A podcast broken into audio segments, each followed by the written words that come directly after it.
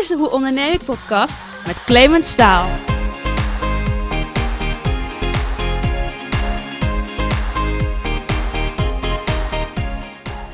En weer een nieuwe aflevering van de Hoe Onderneem ik podcast.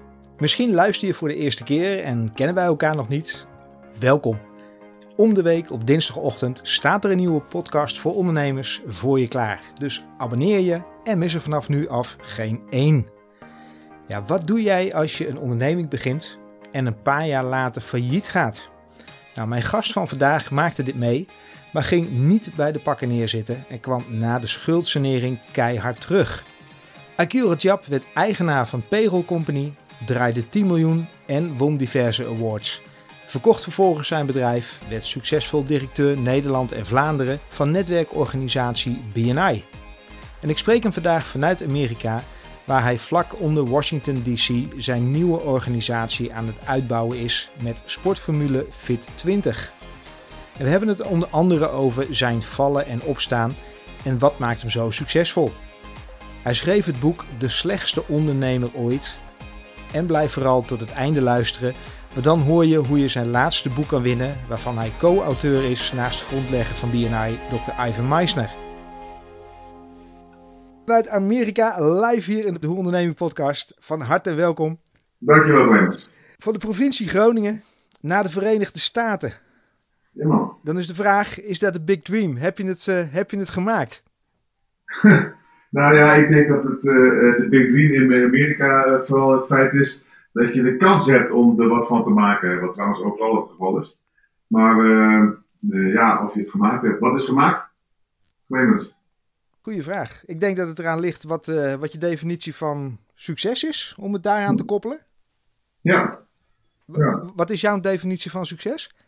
Mijn definitie van succes is uh, in staat zijn om uh, samen met andere mensen te bouwen aan iets wat meer mensen gelukkig maakt. En dat kan dus zijn dat je mensen helpt om beter te ondernemen, om gezonder te zijn, om een bedrijf te bouwen, om ja, wat mensen helpt om gelukkiger te zijn. Dat is denk ik waar mijn roeping waarvoor ik op aarde ben. En dan klinkt het wel een beetje gezapig, maar ik wil er ook wel graag een heel zakelijk uh, uh, link in leggen met het, uh, een verdienmodel in mijn bedrijf. Oké, okay. en dat heeft jou een, een, ja, een aparte reis wel opgeleverd tot op heden. ja. even jou, jouw achtergrond. Jij bent ooit in de defensiehoek terechtgekomen. Ja, ik ben toen ik uh, 16 was, ben ik uit huis gegaan. Dat was een beetje vroeg. Maar ja, ik vond het wat lastig om uh, te conformeren aan uh, de regelgeving van met name mijn vader destijds. En ja, dat botste nogal, dus toen ben ik uit huis gegaan. Dat was eigenlijk veel te vroeg. Want ik was Had het met Syrische achtergrond te maken? Want hij komt uit Syrië, begreep ik? ja, nou, dat had te maken met inderdaad cultuurverschillen en ook verschillen van inzicht. Maar ja, dat hoef je niet vanuit alle landen te komen. Er zijn meer mensen als er 16 zijn. Alleen ik denk dat uh, de trotsheid van mijn vader en mijn koppigheid, uh, ja, dat botste heel erg. En dat werd uh, een redelijk onhoudbare situatie.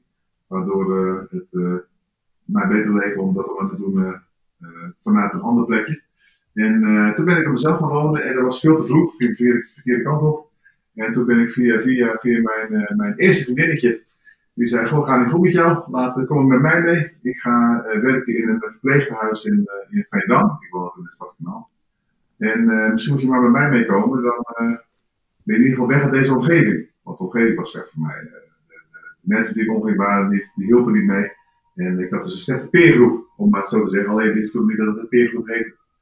En toen zei mijn vriendin van, nou dan ga je met mij mee. Ik ga bij die zusterflat de opleiding volgen en misschien dat je daar niet kunt.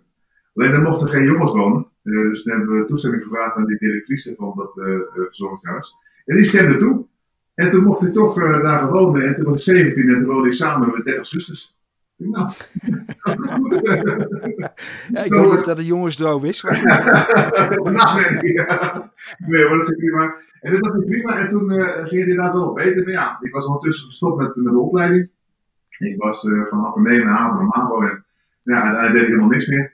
En toen ben ik na een jaartje nog wat rondzwerven, moest ik in dienst, toen ik 18 werd. werd. En toen ben ik inderdaad uh, uh, gekozen heb ik toen voor de marine. En toen ben ik bij de marine gekomen en zeven jaar heb ik, uh, ben ik als matroos, stoker bij de marine heb ik over de wereldzee gezworven. Maar zeven jaar is geen diensttijd. Uh, althans, niet de, de verplichte diensttijd. En die duurde een jaar of twee jaar. Ik weet niet meer precies, 18 maanden of zo. Uh, wat maakte dat jij daar toch langer bent blijven hangen? Nou, toen ik erheen ging, uh, toen had ik, ik kon inderdaad de dienst. Voor mij was het toen 13 of 14 maanden inderdaad. Alleen ja, dat was dan, ik geloof, een vergoeding van 600 of 700 gulden per maand. Maar als je dan KVV, kort verband, vrijwilliger werd, dan moest je minimaal drie jaar blijven. Maar dan kreeg je wel gewoon een normaal salaris. En dat was uh, zeker in die tijd uh, echt een goed salaris. En ja, ik had verder toch niets wat ik kon doen. En ik werd toch aan, uh, ik als ik aangenomen word, dus ik gelijk goed voorlopig. Dat heb ik maar gewoon geprobeerd. Dus het was echt gewoon reactief. Ik wou eerst niet eens bij de marine. Ik ging voor de landmacht. En de soldaten keek opzij, er hing een poster en die zei, stap in de wereld die marine heeft. Oh, lijkt me wel leuk. En zodoende heb ik daarvoor gekozen. Het was echt een impuls. Uh, maar wel een hele goede impuls. Het heeft me veel gebracht. ja. Hoeveel jaar is dat ondertussen terug? Want welke leeftijd heb jij op dit moment? Uh, ik ben nu sinds, uh, sinds gisteren 47 jaar jong. Ah, gefeliciteerd man. Dankjewel, dankjewel. Dus ik ben op mijn 19e bij de marine gegaan en op mijn 27e eruit. Dus ja, 20, 20 jaar geleden. En toen ging je eruit en toen dacht jij, ik ga eens, ik ga eens ondernemen. Ja, dat leek me fantastisch. Nou, eigenlijk wou ik de baas zijn. Ik wou kapitein zijn. Want als je matroos bent op zo'n schip, dan zegt iedereen tegen van jou, ja, je moet dit en je moet dat. Ik vind het heel lastig dat mensen tegen mij zeggen, je moet iets. Ik denk, ja, dan moet maar kapitein worden. Ja, dat was lastig uh, vanaf matroos zonder opleiding. Dus toen dacht ik, nou, dan word ik ondernemer. Want ja, als je ondernemer bent, dan ben je slotverrekening de baas. Nou, dat lijkt me wel een goed idee. Nou, hoe moet je nou ondernemen vanuit de marine? Ik moet wel weten wat ik doe. Eh, want ja, je leeft veel bij de marine, maar niet ondernemen kan ik je melden. Dus toen dacht ik, uh, ik moet mijn uh, rustzakje vol krijgen. En toen heb ik twee dingen gedaan. Ik heb een opleiding uh, ondernemersvaardigheden gedaan, via de LOI bij de marine. En ik ben naar de startersdag van de Kamer van Koophandel geweest. En dat was mijn complete traject tot opleiding van ondernemer. En toen ben ik op 1, 1 januari 2000 begonnen met, met mijn onderneming. Ja. Tof, tof. Ja. Maar goed, ondernemen moet je in de praktijk toch eigenlijk gewoon leren. Um, ja, vooral. Maar heeft het jou, heeft het jou gelijk windeieren gelegd? Uh, nee, wel veel wind. Uh, weinig eieren, vooral voor tegenwind. Want ik, uh, ik pakte het helemaal verkeerd aan. Um, ja. Ik begon te ondernemen zonder dat ik eigenlijk wist waarom ik echt ga ondernemen. Ja, ik wou de baas zijn, dat is natuurlijk geen goede reden. ik wist niet wat voor product ik wou aanbieden of wat voor toegevoegde waarde ik ging hebben voor mijn klanten. Ik wist alleen dat ik, dat ik iets voor mezelf wou doen. En, um, dus ik wist niet goed waarom ik iets deed. En ik wist zeker niet hoe ik het moest doen. Want ik had geen flauw idee wat ik aan het doen was. Ik kon wel goed verkopen. Dus het uh, lukte me wel om uh, de handel, ik had een soort technisch personeel. En het lukte me wel goed om die handel aan de mensen te brengen. Dus ik verkocht wel veel en we groeiden ook best wel hard aan de voorkant. Maar ja, aan de achterkant was één grote gatenkaas. Dus uh, toen ik één keer begon te groeien, en zeker in 2001, toen die vliegtuigen die gebouwen vlogen, ja, toen versnelde een stukje de economie. Hè, dus dan, dat is een soort vergrootglas, net zoals nu met corona. Uh, het is niet de oorzaak dat bedrijven failliet gaan direct, maar het versnelt wel bepaalde zwakheden binnen bedrijven. Dat vergroot het uit volgens mij. En dat was bij mij ook het geval. En uh, doordat ik hier dingen heel slecht geregeld had, uh, nou, lang verhaal. Ehm, ik heb een boekje over geschreven. Ehm, ja, het boek Slechtste Ondernemer Ooit. Ja, ja een autobiografie. want ik heb best veel fouten in gemaakt. En dat was heel vervelend, want uiteindelijk zorgde dat voor een faillissement.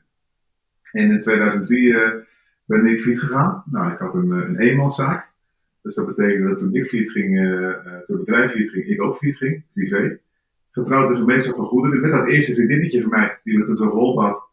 Uh, dus ja, die ging ook failliet. En, ja, en bedankt. Ja. Ja, ja, ja, dat was nou. Nou, trouwens, nee. Ze heeft nog nooit iets, iets verbeterd. Dat is wel een nare tijd, maar ze altijd, hebben we samen gedaan en stond ze achter mij. Dus ik ben juist heel dankbaar voor het feit dat ik zo'n sterke partner had. Ja. Ja, wat fijn. Wat fijn. Ja. Maar dat zie je natuurlijk vaak op het moment dat dit soort dingen gebeuren. Ik bedoel, als ondernemer steek je uh, uren, jaren in je bedrijf. Uh, ja. Hier en daar wordt het huis uh, thuis wel eens een keer vergeten. Ehm, ja, en dan gaat het uiteindelijk verkeerd. En als je dan ook nog een keer al die verwijten over je heen krijgt. Ja, en dat had op zich best gekund hoor. Want het is natuurlijk ook wel menselijk. En niet alleen vergat ik het huis, ik verspeelde zelfs het huis. Want toen ik fiets ging, was het zo erg dat het hele gezin onderuit ging. Dus we kwamen in een schuldsanering en de banken verkochten het huis dat we samen gebouwd hadden. Dus het was een hele zware tijd. Eh. en um, ja, dan, dan, wordt alles erger. Hè? En als je financiële druk hebt, die heel ernstig is, dat, dat maakt alles veel zwaarder en veel moeilijker. De mensen vragen wel eens van, ja goh, maakt geld nou gelukkig? Nou, geld aan zich maakt misschien niet gelukkig, maar het hebben van te weinig geld maakt wel ongelukkig. Ja, Ja. ja dat kan ik me goed voor, eh, voorstellen en onderstrepen inderdaad. Ja. Ehm, wat ik me afvraag, hè, want ehm, eh, vervolgens ga je dan ga je onderuit met je bedrijf, je bent je huis kwijt, eh, ongetwijfeld dat je thuis wat eh, stevige discussies hebt. Ehm, en dan uiteindelijk besluit je om een boek te schrijven erover, waarbij je eigenlijk gewoon met je billen bloot gaat. Nou, dat was later. Hè. Kijk, eh, nadat dat gebeurde, ben ik eerst begonnen met een soort van eh, ontdekkingsreis. Hè, van, ah, kijk, ik had geen waarom met dingen die ik deed. En ik snapte niet waarom ik zulke fouten maakte. En ik begreep dat wat ik gedaan had niet goed was, maar ik begreep niet wat ik precies fout gedaan had. Maar wel dat de dingen die ik gedaan had dusdanig ernstig waren, dat ik ook de fundamenten van mijn eh, gezin en mijn bestaan in gevaar had. Want ik vind, als je drie jaar in de schuldsanering komt en je kunt af en toe geen luister melk meer kopen voor je gezin, ja, dan heb je gewoon te veel risico's genomen mijn optiek. Ik wist niet wat ik deed, ik wist ook niet waarom ik dingen deed. Ik denk, ja, ik moet wel weten wat anders moet. En ik had heel veel pijn op dat moment. Dus, en pijn kan best een hele goede motivatie zijn. En eh, uiteindelijk heb ik eh, op een gegeven moment besloten van, dit is het moment, ik ga nu ervoor zorgen dat ik gewoon goed voor mijn gezin kan zorgen, dat ik de beste vader, de beste echtgenoot ben. Wat is daarvoor nodig? En toen ben ik gaan onderzoeken eerst van, wat drijft mij nou? En waarom doe ik de dingen die ik doe? En waarom ja, doe ik af en toe zo stom? Want dat was gewoon het geval. En dan ben ik op een persoonlijke ontdekkingstocht gegaan. En eh, dat, is, dat gaat heel diep. Uh, naar jezelf kijken en zoeken en uh, naar allerlei dingen uh, proberen en informatie vinden. Niet alles wat, uh, wat er is werkt voor iedereen. Maar op een gegeven moment krijg je steeds meer dingetjes die voor jou werken. En dan kom je bij het moment dat je denkt van oké, dit is wie ik ben, dit is waarom ik dingen doe. Wat kan ik nou beter gaan doen? En dan ga je kijken naar mensen die dingen wel goed kunnen doen. En dan ga je gewoon simpelweg dingen kopiëren. Dus het kopieergedrag, wat in feite leren is, uh, van uh, kopieer dan van mensen die succesvol zijn in de dingen waar jij ook succesvol in wil zijn. En of de dingen bereikt hebben die je ook wil bereiken. Want waarschijnlijk hebben hun dan dingen gedaan die ertoe gezorgd hebben dat dat wel gelukt is. Nou, dat ga je dan doen en dan stap voor stap kom je een stukje verder. En uiteindelijk ben ik dan, na die schoolsanering, in die schoolsanering was ik al terechtgekomen bij een bedrijf wat mij gevraagd had om te helpen met de verkoop. En ik wou nooit meer ondernemen, dus ik was gewoon de dienst. Want ja, ik heb mijn lesje wel geleerd. Maar uiteindelijk had het bloed toch waar die gaan kan. En toen, na een jaar drie, na die schoolsanering, uh, was alles weer een schone lijfverklaring. En toen toch weer uh, gezegd, nou, ik wil toch wel proberen. En weer wat aandeeltjes gekocht en zo stap voor stap weer begonnen in dat bedrijf. Uh, dat bedrijf is toen later, ja, is erg goed gelukt. Door middel van weten waar je, waar zwaktes liggen. dingen beter doen die je niet goed deed. Maar vooral het bouwen van een heel goed team om je heen met mensen die veel beter zijn in dingen waar je zelf niet goed in bent. Ja, jij bent in 2005, Payroll Company uh, heb je het dan over. Daar ben je ingestapt. Ja. Uh, ik zag even in totaal zo'n 2000 medewerkers. Maar dat zullen de mensen zijn die dan ergens anders werken en bij jullie op de payroll staan. Ja, ja. Denk ik even. Ja, dat was een heel groot bedrijf. Maar jullie wonnen onder andere de Gezellen Award. omzet van over de 10 miljoen. Ja. Um, wat zijn dan de, de tips of de, de, uh, die dingen die je daadwerkelijk anders daar doet? Uh, want in instantie werd je mede-aandeelhouder, later aandeelhouder, begreep ik. Wat zijn dan echt die dingen die je anders gaat doen op het moment dat je, dat je zo'n tweede kans uh, aangrijpt? Nou, voor, de, kijk, de verkoop ging altijd wel goed. Bij mij was het vooral het regelen van processen in de back-office. En structuren bouwen. Bijvoorbeeld, in die tijd was het heel normaal dat mensen 14 of 30 dagen betalingstermijn hadden. Nou ja, als ik 14 of 30 dagen betalingstermijn heb en mensen gaan uiteindelijk niet betalen, zeker met die volumes die wij hadden, ja, dan loopt het heel hard op. Dus ik heb direct vanaf dag 1 gezegd, gaan het anders doen. We werken alleen met automatisch incasso, met een betalingstermijn van 12 uur. Dat elke week versturen wij de facturen van de afgelopen week. Die versturen wij op maandagmiddag en uh, dinsdagmorgen incasseren wij de facturen. Punt. En als klanten dat niet willen, ja, dan, uh, dan doen we het niet. Dan kunnen wij geen zaken met elkaar doen. En daarom moet je wel eens nee zeggen, maar ik heb ook geleerd dat een klant die niet betaalt, is een vijand. Want je moet wel de werkzaamheden doen. Je hoort natuurlijk vaak bij, bij ondernemers dat die, uh, uh, ja, A, dat ze sturen op een, op een bankrekening. Uh, nou vind ik daar zelf wel wat van, maar oké. Okay. Um, maar de andere kant, op het moment dat daadwerkelijk dat geld niet op je bankrekening staat, ja, dan kan je een fantastische omzet hebben, maar je kan geen brood kopen. Nou, sturen op je bankrekening is, is te eenzijdig. Maar je liquiditeit is wel het bloed van je onderneming. En zonder bloed ga je dood. Wat was verder naast dat je liquiditeit iets anders waarvan je zegt van hey, dat ben ik wel anders gaan doen?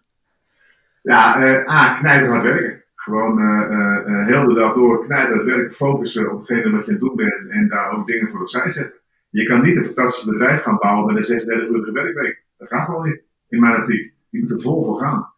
En ik heb de eerste, uh, de eerste twee, drie jaar daarin uh, deed ik gewoon nog voor een minimum salaris. Wat, wat voor mij al heel veel geld was, naar de schotsmering.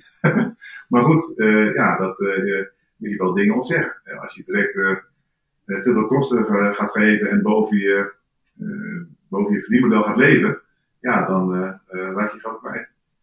En dus, eh, en met, maar met name het bouwen van een team om je heen van mensen die beter zijn in dingen waar jij niet goed in bent. Dat is, dat is denk ik de allergrootste uh, sleutel die je mee kan geven voor succes. Ja, ze zeggen wel eens, of die Amerikanen zeggen wel eens, uh, A-players hire A-players. En B-players hire C-players en D-players. Ja. Heb, heb jij dan echt zo'n A-spelers team om je heen? Absoluut. En dat hoeft niet heel groot te zijn. Maar uh, ik heb altijd, uh, en ook daar ook in de bedrijven die ik erna gehad heb, altijd gezocht naar mensen die het beste zijn in, uh, in hun vakgebied. En het was zelfs op een gegeven moment, als het dan, nog steeds, ook bij een nieuw bedrijf, als het heel druk wordt, dan sturen ze mij weg, want kunnen ze het niet meer gebruiken, dan loop ik in de weg. ja, en dat is, dat, dat, ja, dat moet je ja. ja. Dus je hoopt dat je vaak weggestuurd wordt? Nou ja, uiteindelijk, uiteindelijk. Het kan pas later dus uh, pas later kun je wat meer loslaten. In het begin moet je wel overal bij betrokken zijn. Je moet goed weten wat er gebeurt en speelt. Ja, je bent wel eindverantwoordelijk voor je bedrijf. En dus ook voor de mensen die er werken. En hun inkomen en hun gezinnen. En de opleiding van hun kinderen en hun voorzieningen. Dus ja, je hebt heel veel verantwoordelijkheden. Ja, als je dat onderschat of uh, niet aan kan, dan wordt het lastig. Ik zag dat jij ook uh, uh, talks geeft, in te huren bent via bijvoorbeeld Speakers Academy. Jij deelt je verhaal, ehm, ja, ik zou bijna zeggen graag. wat maakt het dat jij dit verhaal ook gewoon veel deelt? Nou ja, zoals ik al aangaf in het begin van het interview, is ik geloof dat het mijn bestaansrecht is om andere mensen te helpen om gelukkig te zijn. En door het delen van dit verhaal kan ik misschien mensen handvatten geven waar ze wat mee kunnen om dingen te veranderen. Ten eerste. Ten tweede uh, heerst er een beetje een dogma in Nederland om te praten over dingen die niet goed gaan zakelijk. Het moet allemaal fantastisch zijn en geweldig en dit en dat. En het is gewoon niet zo. En soms is het gewoon allemaal even helemaal kut. Of mag ik het zeggen trouwens? Sorry. Soms is het gewoon... Ja, voor mij wel. Voor mij mag je zeggen als het kut is. Wat zo voelt het nou ook echt op dat moment. Het doet zeer, het gaat niet goed, het is naar. En ja man, het is gewoon hartstikke vervelend. En, en dat hoort er ook bij. En, en, en als we dan vragen hoe gaat het? Ja, hartstikke goed. Dat is gewoon niet waar. dus dat, een beetje een dooddoener wat dat betreft een beetje een dooddoener, maar daardoor uh, onderschat je vaak zelf ook dat er iets moet gebeuren om het te veranderen. Dus en om daarover te praten, je kunt ook leren van mensen die het ook meegemaakt hebben, die er ook uh, keuzes in gemaakt hebben. Nou ja, de, daar kun je van leren. Dus ook mensen iets mee te geven. En ook om te delen dat je bent niet alleen als het een keer slecht gaat. Iedereen heeft wel eens een keer een ja, of een rotweek. Ja. Ja, de andere kant is natuurlijk ook waar. Op het moment dat je uh, om de havenklap met iedereen deelt dat het niet zo geweldig gaat, uh, is ook mijn ervaring met de mensen waar ik dat in het verleden wel eens een keer mee deelde. Dat ze dan vervolgens ook ontwijken, omdat ze denken, ah, gaat niet goed. Uh, nou, we kijken even de kat uit de boom. Ja, maar misschien dat je een onderscheid moet maken tussen klagen en tussen de situatie waar de inschat. Ja, je wou zeggen dat ik ging klagen. Dat weet ik maar het is niet zo dat je continu moet zeggen, oh, het gaat het slecht en ik ben zo'n mineur en het is niet goed. En dat. Ja, ja, ja. Er is een bepaalde... het, is, het is natuurlijk zeker in ondernemersland toch wel vaak fake it till you make it. Nou ja, dat is dus een gezegde wat ik wel vaker gehoord heb. En ik ben het er niet helemaal mee eens. Ik geloof wel dat je een positieve instelling moet hebben. Alleen je moet ook, kijk, als het positief is goed, dan opportun is gevaarlijk. Want ja, dan ga je dingen doen die niet kloppen. En dan kan je best misschien andere mensen meenemen in iets wat helemaal niet goed werkt. Uh, of wat niet, wat niet waar is. Dus ja, je moet wel realistisch blijven, maar wel positief. Ik heb bijvoorbeeld uh, ook in de tijden van Pedro Company en later ook bij BNR, dat we dus continu groeiden, groeiden, groeiden. Uh, waren we zeer succesvol. Een paar keer ook Gezel Awards gewonnen, inderdaad. Maar ik heb nooit mijn begroting gehaald die ik, die ik gepland had. Maar ik was gewoon ambitieus. Je, je zat er altijd onder, wou je zeggen? Of zat je oh, ja, ja, ja, de, de, de, altijd eronder. Want de dingen die ik zei, dat was bijna niet haalbaar. Maar ik ging er wel voor. Dus ja, maar de resultaat was steeds fantastisch. Mooi, mooi. Hey, op een gegeven moment besluit jij om uh, Payroll Company uh, te verlaten. Uh, of je hebt het verkocht, geloof ik. Ja. En um, dan, dan stort je je in, in BNI. Ik zit even te denken, want ik ben in het verleden BNI lid geweest. Volgens mij was er zo'n familie in, in Engeland die zeg maar officieel de, de rechten had. Want BNI is een soort franchise-idee. Nou, um, soort is gewoon een franchise, ja. Jij hebt het overgenomen, familie Lawson of zo was dat? Ja. Klopt dat? Martin ja, oké. Ja.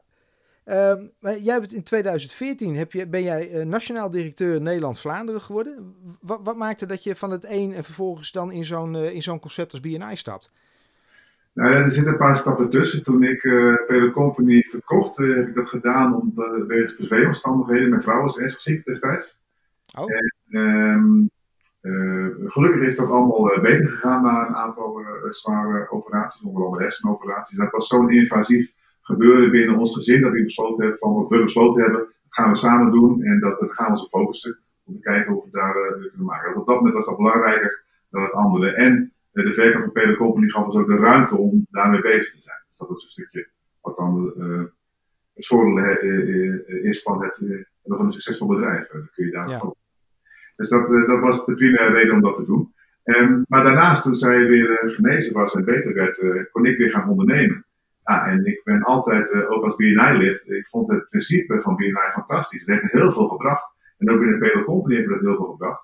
Plus de wijze waarop het bedrijf gerund werd, kon je ontzettend veel van leren. Het zit ontzettend goed in elkaar. En um, ik denk, nou ja, dat, dat, wil ik ook. En ik gun andere mensen dat ook. Want als je BNI goed doet in mijn als ondernemer, dan kun je een betere onderneming bouwen. En ja, meer geld verdienen, meer aanvulling geven, een beter netwerk bouwen. Worden mensen gelukkiger van. Dus dat past in mijn, mijn doelstelling. En ik was er ook wel goed in uh, als lid en later ook als regeldirecteur. Ik denk, nou, ik ga het gewoon proberen. Dus uh, de, de, stap gezet en toen uh, de rechten gekocht van Nederland en Vlaanderen. En daarin begonnen als nationaal directeur inderdaad in 2014. Wat, wat maakte dat, uh, want BNI is best vroeg, als, als directeur moet je verschillende chapters, verschillende afdelingen dan bezoeken. Uiteindelijk moet je dan s ochtends bijna elke dag vroeg je bed uit volgens mij. Nou, dat is niet helemaal waar. Um, kijk, vroeg je bed uit is niet erg als je iets wil bereiken. Um, alleen, kijk, ook hierbij uh, was het juist mijn taak om een team te bouwen van mensen die ook uh, als franchise konden zorgen dat ze regio's dat konden doen. Want uh, toen wij het verkocht hadden, 220 groepen. Dat zou betekenen dat als ik elke week vijf groepen zou bezoeken, dan was ik bijna twee jaar bezig om ze allemaal te bezoeken. Dus ja, dat kan natuurlijk niet. Dus ik, ik kan het niet allemaal zelf doen. En ook dat is de kracht van ondernemerschap. Als je een onderneming bouwt, is dat je moet kunnen delegeren en dat je andere mensen in vertrouwen moet kunnen nemen. En ook weer de handvatting moet kunnen bieden om zelf succesvol te zijn. En dan word je samen succesvol. En, ja, en dan kun je veel groter worden dan, uh, dan uh, een eentje. En in diezelfde periode begreep ik dat jij ook uh, met, met Fit20 in aanraking bent gekomen. Ja. Een, een, manier om in 20 minuten per week, volgens mij in je, in je nette kloffie, ja. om wat aan je, aan je gezondheid te doen. Ja, dat klopt. Het is een franchise. En uh, ik merkte dat bij BNI dat veel van die uh, uh, 20 studio's en franchisees ook lid werden van BNI. En, het was, en die werden was ik allemaal goed succesvol. Ik dacht, nou, dat doen ze iets goed. Dus daar kan ik wat van leren. Dus ik heb de eigenaar gebeld. En toen heb ik ook koffie gedronken. En hij is bij ons op kantoor geweest in de stad van waar ik kwam. En mijn vrouw was in die tijd aan het revalideren van de operatie die ze gehad had. Dus die was al de zuster geweest die wilde doen. Toen zei ik, nou, we beginnen gewoon als franchise. Dan kan mijn vrouw, uh, die vond het ook wel leuk om zich daar uh, wat mee te doen. En ik kijk wel even hoe het gaat. Ik heb nog een kantoortje over in het pand waar wij zitten. En ik dacht van, ja, als het niet goed gaat, dan hebben we altijd nog een mooie gym. maar het ging fantastisch. En alhoewel ik in het begin ook wel een beetje sceptisch was met het feit dat het in 20 minuten was, de resultaten zijn verbluffend. En er is zo'n grote markt voor dit concept dat we daar vandaan begonnen zijn. Eerst eentje uh, en toen zijn we nog eentje begonnen in Veendam. En doorgroeien. En nu hebben we negen van die studio's in uh, Nederland. En toen dacht ik van, goh, ja, dit concept staat zo goed aan. In Nederland zijn er 140 van die studio's. Ik denk, ja, uh, het, is, het is zo'n mooi en goed concept. En dus het ziet er ook zo gelikt uit. maar Nederland is natuurlijk toch wel een beetje beperkt qua aantal inwoners. Het is een relatief klein land. Maar ja, als je dit naar, kan kopiëren naar Amerika, en je kan het daar neerzetten, maar ik denk dat ze er veel meer behoefte aan hebben zelfs nog dan, uh, dan in Nederland. Al is het misschien latent. Ja, die potentie is enorm. Dus ik dacht, ja, why not give it a try? En toen heb ik besloten om, uh, ik heb uh, in 2019 BNI verkocht aan de Amerikaanse masterfranchise En toen besloten om helemaal te focussen op Fit 20 in Amerika. Fit 20 in Amerika. Fit 20. ja. En, uh, het is een Nederlands concept of zo? Ja, ja het is begonnen in, uh, in, het in Hattem, het uh, hoofdkantoor, begonnen in Nederland. En de training zelf is high intensity training. Dat is niks nieuws op zich, dat bestaat al veel langer. Maar het jasje waar het in gegoten is en de formule, de manier waarop, door de founder, Walter Vendel en zijn team, ja, die hebben het echt enorm conceptmatig neergezet, zodat het schaalbaar is en, en te vergroten is wat ik me even zat af te vragen, uh, ook in aanloop naar, uh, naar onze afspraak, zag ik eens op de site te kijken denk van oké, okay, 20, uh, 20 minuten per week. Ehm, je bent ondernemer, eh, naast het feit dat dit misschien ook personal trainers veel al zijn. Kan je hier een fatsoenlijke boterham mee verdienen? Want je betaalt op zich eigenlijk helemaal niet zo heel erg veel. Nee, maar dat komt omdat je, uh, de, het is ook bedoeld om het uh, schaalbaar en haalbaar te maken voor iedereen. Hè, of zoveel mogelijk mensen. Er zijn altijd mensen voor wie ook dit, dit bedrag te veel is per maand natuurlijk. Dat kan natuurlijk, maar het is voor heel veel mensen haalbaar. Zeker als je in gezondheid wil werken. En, en als je het goed coördineert, dan kun je in zo'n studio kun je 300, 350 mensen trainen. Ja, en dan heb je dusdanig volume dat het meer dan voldoende is om op je boterham te vinden. En zelfs een heel gezonde diet van te maken. Terwijl je mensen helpt om fitter en sterker te worden. Nou, dat is toch vet. Dus het blijft wel de gouden, gouden draad of de rode draad daardoor anderen helpen om gelukkig te zijn. In dit geval om fitter te zijn. Ja, nou ja, dat, dat vind ik heel belangrijk. En dat, uh, niet dat ik het uh, veroordeel of beoordeel, ik veroordeel het wel, maar ik veroordeel niet andere mensen te doen. Maar ja, ik zou het bijvoorbeeld moeilijk vinden om iets te gaan verkopen wat, uh, nou bijvoorbeeld stel dat een, ik noem maar even iets, een, een, een, een, een, een heel winstgevend zou zijn of zo. Je zou het ondernemer zou het neerzetten. En niet dat ik daar per se iets tegen heb voor, maar ja, dat voelt voor mij niet goed, zeg maar. Dat zou, dat zou, ik, niet, dat zou ik niet fijn vinden. Um, ik zou liever iets doen met iets waarmee ik mensen help om de wereld een beter plekje te maken. Dat geeft mij eigenlijk goed. Je zit dan nu in Amerika. Uh, ik begreep dat je iets onder, uh, iets onder Washington uh, op dit moment zit. Ja. Amerika is het land van de franchise. Was dit er nog niet in Amerika dan? Nee. Gat in de markt. Ja. Klinkt goed. Klinkt goed. Ja, dat vond ik ook. Hey, waar ligt jouw ambitie uh, wat dat betreft voor de komende jaren? Want uh, je hebt tot op heden de dingen die je hebt gedaan, een jaar of nou, vijf tot zeven zeg maar gedaan. Ja, ja ik, ben, ik ben meer een starter. Ik ben geen uh, lange, termijn, lange termijn man. Dus ik, ik vind het mooi om iets te bouwen. Ik vind het bouwen ook leuk. En als het één keer uh, relt en zelf goed loopt, dan, ja, dan word ik gauw afgeleid. En dan, dan raak ik soms de focus kwijt. Maar het bouwen mooi. Maar ik denk dat wij in Amerika de potentie hebben om te groeien naar 3000 studio's. Amerika. 3000? Ja, nou ja, in, in, Nederland hebben we er 140, Amerika is 30 keer groter. Dus ja, de, de rekensom is, is vrij onweerlegbaar. hoe, hoe we het gaan doen is het tweede, maar dat is gewoon mogelijk. Ja. wat zijn de grootste uitdagingen wat dat betreft? misschien niet die 3000, maar voor de komende paar jaren misschien de eerste keer naar een paar honderd? Ja, legio, legio. Kijk, het bouwen van een bedrijf, zeker als je met deze schaalgrootte werkt, is natuurlijk uh, altijd spannend. Met, uh, je moet alles bouwen. De financiële middelen, als je begint met iets, met zo'n ambitieus plan, dan heb je een zogeheten burn rate. Dat betekent dat je dus eigenlijk nu iets dat bij, bij zelf helemaal niet goed in bent, wat ik al vertelde. Dus minder geld overhoudt per maand dat je uitgeeft. Ja, dus dat je een burn rate. En dat is er wel allemaal ingecalculeerd. Dat vind ik heel spannend. en ja, er zijn ook investeerders bij betrokken. Het is een grote organisatie. Dat is een heel ander niveau, echelon van van van ondernemen. Maar goed, dat is één ding. Het tweede is persoonlijk. Uh, ja, ik ben nu naar Amerika gegaan. Dat is een complete andere wereld, andere cultuur. Dus ik moet zelf ook weer heel veel leren. En heel veel dingen weet ik gewoon niet. En dan zijn er nog veel meer dingen waarvan ik niet weet dat ik het niet weet. Dus ik moet gewoon vol erop en zorgen dat ik hier continu leer. Dus eigenlijk begin ik weer ja, vanaf lagere schoolniveau ondernemen, zeg maar, weer opnieuw. En dat is wel een mooie uitdaging. Maar maakt het ook wel weer ja, wat spannender. Ook wel leuk. Je, je, woont in Nederland, uh, in het noorden van het land. Vervolgens neem je vrouw en, en kids, denk ik, mee naar Amerika. Waar, waarom niet gewoon naar de achtertuin richting Duitsland of zo?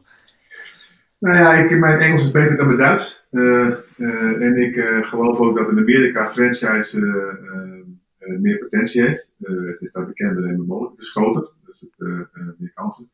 En BNI is van origine, het hoofdkantoor zit ook in Amerika. Dus ik uh, weet een beetje in de samenwerking afgelopen jaar hoe Amerikanen werken, hoe ze denken, hoe ze doen. En dat spreekt me gewoon heel erg aan. Het is lekker recht voor zijn raap. Het is uh, niet te veel zelf en veel cijfers en data gedreven. Nou, daar hou ik wel van. Ehm, dus. Ik heb trouwens mijn vrouw en kinderen niet per se meegenomen. ik heb hier een huis gekocht, dus ik woon dus zowel in Nederland als in Amerika. En het was de bedoeling om dat wat heen te integreren en te kijken hoe we dat gingen balanceren. Nou, met de huidige periode, dus natuurlijk coronatijd, is alles natuurlijk anders dan we verwacht hadden. Dus we zien wel even wat er gaat komen en dan lossen we dan wel op. Uh, betekent dat je op dit moment wel met, met je familie daar zit of dat je in je eentje daar uh, zit? Nee, ik ben uh, helaas alleen. Ze zouden hier nu wel zijn. Ja, ze kunnen hier niet komen. Dat is wel erg, erg na. Um, maar ja, het is wat het is. man, man, het hoort erbij bij ondernemerschap. Maar ja, leuk is het anders waarschijnlijk. Ja, maar weet je, kijk, ondernemerschap is ook niet alleen maar het hebben van successen.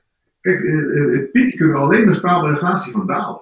Dus ja, het, het hoort erbij. En ja, pak het op, deal with it. En je kan je af en toe wel eens eventjes een, een stemmelmeetje hebben of eventjes een, vraagje wegpinken. Maar ja, je moet toch door en er wat van maken met elkaar. Ja, nou. ja.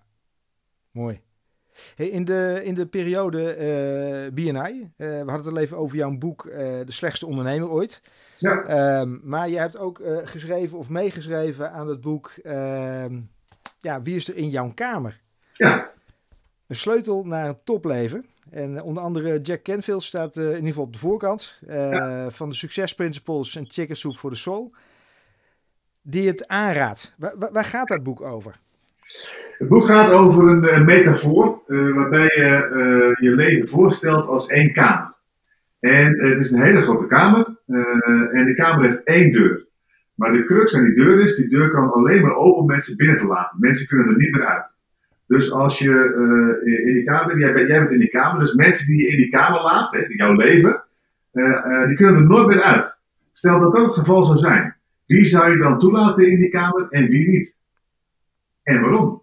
En wat maakt dat jij hiermee aan de slag bent gegaan, samen met onder andere Dr. Ivan Meisner, dus de, de, de grondlegger van BNI? Ja, nou omdat mijn overtuiging is dat dus wat ik in het begin had, wat ik vertelde toen het in mijn leven de verkeerde kant op ging, was, dat kwam vooral omdat ik in een situatie zat waar ik mensen om me, heen, om me heen had, die me alleen, eh, niet alleen niet hielpen om succesvol te worden, maar die me juist een andere kant bestuurden. Omdat ze zelf ook zo dachten en deden en bezig waren. Dus de mensen om je heen bepalen de mede de kwaliteit van je leven. En nou is dit natuurlijk een metafoor. Hè? In het echte leven kun je heus wel wat afstand nemen van mensen ja nee. Maar doe je dat ook en denk je er ook na hoe mensen jou helpen en hoe ze met je omgaan. Uh, betekent het ook dat je uh, zegt in dit, in dit boek van joh, op het moment dat je nou, mensen tegenkomt waar je eigenlijk beter niet mee om kan gaan, of uh, en het kan soms ook familie zijn, dat je daar een beslissing in moet nemen? Of hoe ja. zie je dat? Ja, helemaal. Dat betekent natuurlijk niet dat je tegen die mensen moet zeggen: Ik wil je nooit meer zien, ik weer, tot, tot ziens. Dat hoeft helemaal niet. Maar je kan wel zelf bepalen in hoeverre je hun meningen, hun adviezen meeneemt en waardeert. Want en zeker bij familie, uh, uh, dat is goed en dat moet je ook absoluut koesteren. Maar dat betekent niet per se dat dat de beste adviseurs zijn voor je zakelijke omgeving. dus dat, dat blijkt natuurlijk heel vaak. Op ik weet nog destijds toen ik zei, ik word ondernemer, dat mensen om me heen, familie om me heen, die niet ondernemend waren wat dat betreft, of geen ondernemers waren, ja, die, die proberen je dan toch te behoeden, zeg maar, voor nou, alles wat eventueel potentieel verkeerd kan gaan. Ja. Het voelt een beetje alsof je loopt op die evenwichtsbalk. Het gaat allemaal goed, totdat iemand zegt, pas op, val er niet af. En wat gebeurt er? Je valt eraf. Ja, focus, dus vaak zijn het toch goed bedoelde adviezen. Maar de vraag is, van, ja, moet je dat soort mensen uh, daadwerkelijk toelaten tot, uh, ja, tot je brein? Nou ja, kijk, het punt is, je kan ze moeilijk weigeren, want het wordt wel gezegd namelijk. En dat is een heel proces. Uh, zeker, maar het is wel een heel proces om dat te leren, hoe je daarmee om kunt gaan, om dat een bepaalde waarde in te schappen. En ik heb besloten dat ik, uh, wat ik eerder al zei, als ik advies wil, als ik iets wil bereiken, dan kijk ik naar mensen die al dingen bereikt hebben die ik ook wil bereiken. En, dus, uh, en dat zijn de mensen die meen ik op dat niveau dan meer meenemen. Ik denk niet dat ik de mensen meer minder respecteer. Het is alleen de waarde die ik aan hun advies hecht. En dat kan wel eens wat situaties opgeven die wat spanning met zich opleveren. Nou ja, zo so be Je moet wel keuzes maken, anders word je geleverd aan anderen wat zijn mensen waarvan jij zegt, veel, uh, dat, dat kopieer ik? Uh, dat zijn mensen waar ik, ja, die ik navolg? Nou ja, de, de, mijn co-auteur van het boek, Ivan Meijster, de oprichter van BNI, heb ik heel hoog in mijn vaandel staan. Dat vind ik een belangrijk persoon. Um, ik ben ook erg groot fan van Tony Robbins. dat is een, een spreker en een, een, ze noemen ook wel de why guy. Dus als je erheen gaat, hij, hij laat je afvragen, waarom doe ik nou dingen? dat is natuurlijk belangrijk. En daarnaast zijn er heel veel ondernemers die ik ontzettend, ontzettend waardeer in mijn omgeving. En ook een aantal leraren. Een professor van mij van een opleiding die ik gevolgd heb voor franchising in Washington toevallig, Georgia University. dat was, die man was zo goed in zijn vak, ja, daar was ik helemaal laat van. En ik denk, ja, die man, die, daar moet ik meer van weten. En ik ben naartoe gegaan en ik ben met hem gesproken over het concept Fit20. En uh, Fit20 hier dan. En uh, die is helemaal enthousiast geworden. En dat is nu ook mijn businesspartner geworden in Amerika. Oh, tof, tof. Ja. ja. Was de opleiding Franchise Management, zag ik ergens langskomen in Washington D.C. Ja, toen ik in BNI zat. want ja, ook dat is zo. Op een gegeven moment ben je ergens bezig. Je kan altijd beter worden in wat je doet. En kennis is macht. Dus ja, blijf continu de, de, de zaak scherp houden. De, zorg er continu voor dat je, dat je beter wordt in wat je doet en dat je meer kennis op doet. Wat is de belangrijkste les die jij van uh, bijvoorbeeld Ivan Meisner uh, hebt meegekregen? Of van een van die andere mensen die jij uh, die je hoog hebt zitten? Ja, dat zijn natuurlijk allerlei verschillende lessen. Bij Ivan Meisner is het doe zes dingen duizend keer. Niet duizend dingen zes keer. Doe zes dingen duizend keer. Ja, niet duizend dingen zes keer. Wat gebeurt er namelijk is dat op een gegeven moment als mensen beginnen met een bedrijf...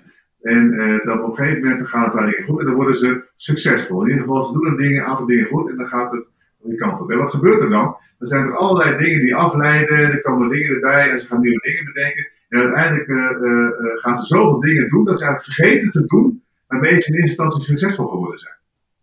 Dus je kan beter zes dingen waar je goed in bent, je weet dat die succesvol zijn, continu blijven herhalen en gewoon blijven doen. In plaats van steeds maar opnieuw nieuwe, nieuwe dingen doen en afgeleid worden. En uh, ja, dat, dat niet op. Dus doe zes dingen duizend keer, niet duizend dingen zes keer. Nou, dat is iets wat ik en ik, zeker, ik ben heel gauw enthousiast. en ik ben heel gauw afgeleid door dingen. Ja, dat is mijn valkuil. Dus daar kan ik echt wat mee. Je zegt, ik ben heel enthousiast. Ik zag uh, op, op YouTube wat, uh, wat video's voor jou langskomen.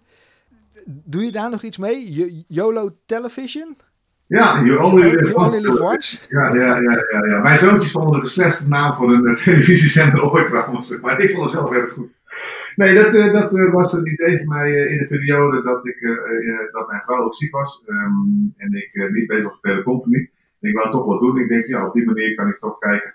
Ik heb onder andere mensen geïnterviewd en um, geprobeerd om een aantal lessen die ik geleerd heb via YouTube-filmpjes in de wereld te brengen. Zodat mensen daar misschien ook wat aan zouden kunnen hebben. Dat vond ik erg leuk om te doen. het was projectmatig. dat project is nu afgerond. Um, maar dat, uh, dat viel samen met het schrijven van een boek. Uh, het boek dat ik geschreven de autobiografie De slechtste ondernemer ooit, was ook een soort van therapeutische reis en een verwerkingservaring. En dat hoorde hier ook een beetje bij. Ja, tof. Het zijn leuke filmpjes, dus het zijn zeker, zeker aanraders. Korte, korte filmpjes, lekker, lekker actief. Dankjewel. wat, dat betreft, wat dat betreft leuk om, leuk om te zien. Wat is het, het ding wat jou eventueel s'nachts nachts bezighoudt? Lig jij ergens wakker van? Nou, niet vaak. Um, maar ik ben er wel eens wakker van als ik het gevoel heb dat ik uh, de mensen met wie ik samenwerk, of waar ik verantwoordelijk ben, dat ik die niet genoeg ondersteun. Oké, okay, je voelt je dan tekortschieten of zo? Of hoe, hoe moet ik dat zien? Ja, ja. Dat, dat, dat heb ik wel eens. En dan, dan denk ik, ja, of En dan, ja, die mensen die vertrouwen op mij en dan moeten we bouwen. En ik heb nu eh, iets een product of een ondersteuning of een dienst. En zeker als je dus iets nieuws bouwt, gebeurt het vaker als, dat, als het één keer loopt, dus processen zijn ingebouwd. Nou ja, als, als mensen met mij meegaan, dan vertrouwen ze mij. Hè, en dan geloven ze mij. En dan wil ik ook zorgen dat ik ze kan helpen om te bereiken wat ik geloof dat ze kunnen bereiken. Ik ben niet verantwoordelijk voor het geluk van de mensen zelf of hun succes. Ik ben er wel verantwoordelijk voor om een omgeving te creëren waarin ze dat kunnen worden en zijn. En als ik het gevoel heb dat dat niet goed gedaan, of dat daar iets ontbreekt, dan word ik heel zenuwachtig van. Want dan kan ik wakker van liggen. Ja. Ontbreekt het dan omdat jij uh, uh, een te hoge standaard hebt, waardoor het er eigenlijk wel is, maar eigenlijk had je nog liever wat anders gedaan? Of zeg je van nee, ja, ik, ik, ik ben heel laks en daardoor kom ik er gewoon niet aan toe? Of ergens misschien ertussenin? Nou ja, ik, ik, weet niet of dat zo is. Kijk, ik zakelijk gezien ben ik niet laks. Dan, eh, dan ga ik wel echt, uh, echt ervoor om het voor elkaar te krijgen. En ik heb een goed team wat ook met elkaar heel veel dingen doet. Maar ja, soms gebeuren er gewoon dingen of veranderen dingen, dat, je, dat moet je dan veranderen. Hè? Dus, uh, en soms zijn dat ex, externe oorzaken en soms zijn dat interne oorzaken, dat kan allebei. Alleen, als je, het punt is namelijk, vaak voel je het wel in je buik. Dan heb je zo'n gevoel. Maar wat heel veel mensen en ondernemers doen, is die negeren dat gevoel omdat ze anders de confrontatie aan moeten met iets wat beter moet of niet goed gaat of wat ze fout gedaan hebben. En dat is een soort vluchtgedrag. En doe dat niet. Vertrouw op je buik. En als je in je buik voelt dat het niet goed zit, laat het gevoel dan open gaan en, en, en, en weet dan wat de fout zit. Dan kun je ermee aan de slag. En je fout gedaan dat het niet goed gaat, dat is niet leuk of niet erg. Maar ja, het is wat het is. Het is wel erg als je er niet mee aan de slag gaat. Dat je het gewoon kent, dat vind ik heel belangrijk. Uh, wordt dat makkelijker naarmate je succesvol bent? Ja, omdat je weet dat dat, dat, dat vlindertje in je buik is eigenlijk je vriendje, niet je vijand. Dus die, uh, uh, het patroon en de herkenning van dat gevoel, dat helpt heel erg. hoe ben jij erachter gekomen? Ja. ja, nou ja, met name ook met het spreken op, op podia. ik was, vroeger stotterde ik en ik was niet echt een, een, een uitgaand, uitgaand kereltje. En nou, pas later toen ik ging ondernemen en toen de onderneming onderuit ging, had ik een heel groot gevoel van schaamte. Ik wou niet onder de mensen komen. Ik vond dat ik gefaald had. En, uh, ik heb mijn mening erover herzien trouwens, maar dat ik nou slechte resultaten gehad heb. Ik had gefaald als ik er niet wat mee gedaan had. Maar uh, toen ben ik begonnen met het schrijven van het boek en toen ben ik gaan praten voor groepen. En ook daar is BNI heel behulpzaam in geweest, want ja, dan leer je om te praten voor groepen. Maar later werden die groepen steeds groter en als met het geven van lezingen en presentaties, ja, dan is het wel eens 100, 200, 500, 1000 keer 3000 man waar je voor zo'n groep staat. Nou ja, dan voel ik wel een behoorlijke vlinder door de buik gaan voordat ik op moet. Maar ik weet dat ik na afloop van, dat, uh, uh, van zo'n lezing altijd een fantastisch gevoel heb. Dat ik dat mensen geholpen hebben. Het gaat altijd goed en mensen altijd lief en aardig en met elkaar doen leuke dingen. Dus ik weet dat dat vlindertje de voorbode is van iets moois. Nou ja, tof, tof. Hoe voel ik dat dan, ja. In het kader van, uh, van Givers Gain, uh, welke, welke uh, drie tips zou jij ondernemers willen meegeven waarvan je denkt van ja, maar dat, dat, daar hebben ze gewoon echt wat aan. Dat heeft mij echt gewoon heel veel gebracht. Ja, ja ik heb het eigenlijk wel een paar genoemd. Dus de eerste is bij far de belangrijkste, bouw een team met mensen die beter zijn in dingen dan jezelf. Dat is bij far het allerbelangrijkste en, en schroom daar niet in. En geef kan ook een team zijn buiten je eigen bedrijf. Als je ZZP'er bent, een klein ondernemer. Ja, natuurlijk. Uh, uh, ook al ben je geen, ook al ben je gewoon, gewoon ook al heb je geen onderneming en sta je van het leven, dan nog kun je je leven beter maken door een team om je heen te bouwen van mensen die, die, dingen doen. Kijk, stel dat jij mensen om je heen hebt die, die erg lak zijn, slecht voor zichzelf zorgen, en et cetera. En als er vijf of tien mensen in je naaste omgeving zijn, ja, je gaat toch met die mensen mee. Het dus zorg dan dat je ook zorgt dat je mensen om je heen hebt die goed voor zichzelf zorgen, die uh, iets, iets, betekenen voor de wereld. Als je dat wil, hè? als je die wil, moet je niet doen. Hè? Dat, ik, uh, dat is heel belangrijk. Dus het eerste is de mensen om je heen verzamelen die beter zijn dan jezelf. Het tweede is besef dat succes de nakomeling is van de ontmoeting tussen voorbereiding en gelegenheid. Want heel vaak denken mensen van ik moet nu succesvol zijn en ik moet dit en ik moet dat. Dat is heel lastig, want uh, doe gewoon die zes dingen die je continu moet doen. Uh, en zorg dat je klaar voor bent als die kans voorbij komt. Want kansen komen elke dag voorbij. Ja, je zegt gelegenheid. Gelegenheid is onverwacht. Het, het komt langs opeens. Je hebt er geen invloed op. Ja, dat, ja en nee. Uh, het is onverwacht. Maar weet je, ik heb een keer een interview uh, gezien met Tiger Woods. een beetje in de beginperiode nog. En toen was er een, interviewer, een beetje een arrogant type. En die vroeg aan Tiger Woods van ja, meneer Woods, het is natuurlijk wel zo, het gaat wel hartstikke goed. En, maar ja, het is zo'n klein balletje en zo'n klein gaatje, dus ja, toch speelt geluk bij golf ook nog wel behoorlijk kans, moet wel net op niet vallen.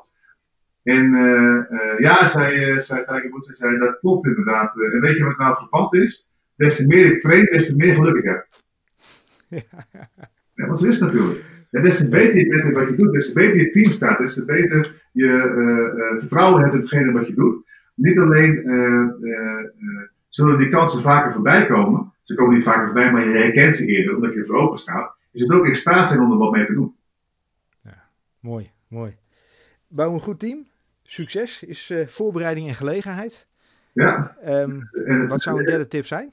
Ja, wij zijn nog op jezelf. En daarmee bedoel ik dat uh, het is goed om kritisch te zijn, het is goed om uh, ervoor te gaan, maar de bogen niet altijd gespannen staan. En los van een zakelijk leven heb je ook nog een privéleven en vrienden en je moet er balans in zoeken. Dus uh, je hoeft niet alles weg te cijferen voor je bedrijf, maar zorg dat je daar wel een harmonie in hebt. En dat, in harmonie, kijk, heel, vaak, heel veel mensen het over balans. Dan denken ze van, ik moet twee uur thuis zijn en ik moet drie uur werken en ik moet... Daar geloof ik helemaal niet. De ene keer moet je gewoon vol in die zaak en de andere keer heb je meer tijd om met je gezin bezig te zijn. En die yin yang symbool is ook niet weg, dat is ook een beetje zo in elkaar geschoven. Dus zorg dat je met jezelf een goede harmonie hebt met alles wat je wilt doen en wat jou gelukkig maakt. Wat je natuurlijk heel veel ziet is dat mensen, uh, op mensen aan het werk zijn met de gedachten bij, bij thuis zitten en alles wat er nog moet. En op mensen thuis zijn op, ondertussen met de gedachten bij het werk zijn. Waardoor ze per saldo van niks eigenlijk 100% kunnen genieten. Ja, helemaal niet. Of ook niet 100% uh, productief zijn. Eigenlijk een aantal alleen maar stress Ja. ja. ja. En je zegt, wees zuinig op jezelf. Bedoel je dan ook, wees, uh, wees zacht voor jezelf? Nou, dat hoeft helemaal niet. Je kan juist door heel hard te zijn, uh, zuinig op jezelf zijn. Als je kijkt naar bijvoorbeeld gezondheid en. Ja, dat, als je traint, uh, bijvoorbeeld, nou, ik zeg even parallel trekken met 420. het is zo succesvol omdat je met zo'n personal trainer, die zorgt ervoor dat je de laatste twee herhalingen doet die zelf niet zo doen omdat het pijn doet. Maar daardoor groeien wel die spieren en word je sterker en word je gezonder. Dus zuinig zijn voor jezelf betekent niet zacht zijn voor jezelf betekent consequent zijn voor jezelf en duidelijke keuzes maken waar jullie dan ook echt ervoor gaan. Gaan namelijk echt. Mooi, mooi. Tof dat je uh, ja, vanuit, de, vanuit dat dal uiteindelijk dan nu toch weer boven op die berg staat. Dat je volgens mij in ieder geval succesvol bent. En mogelijk nog veel succesvoller daar in de Verenigde Staten met uh, Fit 20. Dankjewel, Clement. Alsjeblieft. Hey, heb ik een, uh, een vraag nog niet gesteld waarvan je denkt van, oh, die, uh, die had hij eigenlijk wel moeten stellen? Uh, nou, zo, nee, ik zou niet weten, niet binnen, nee.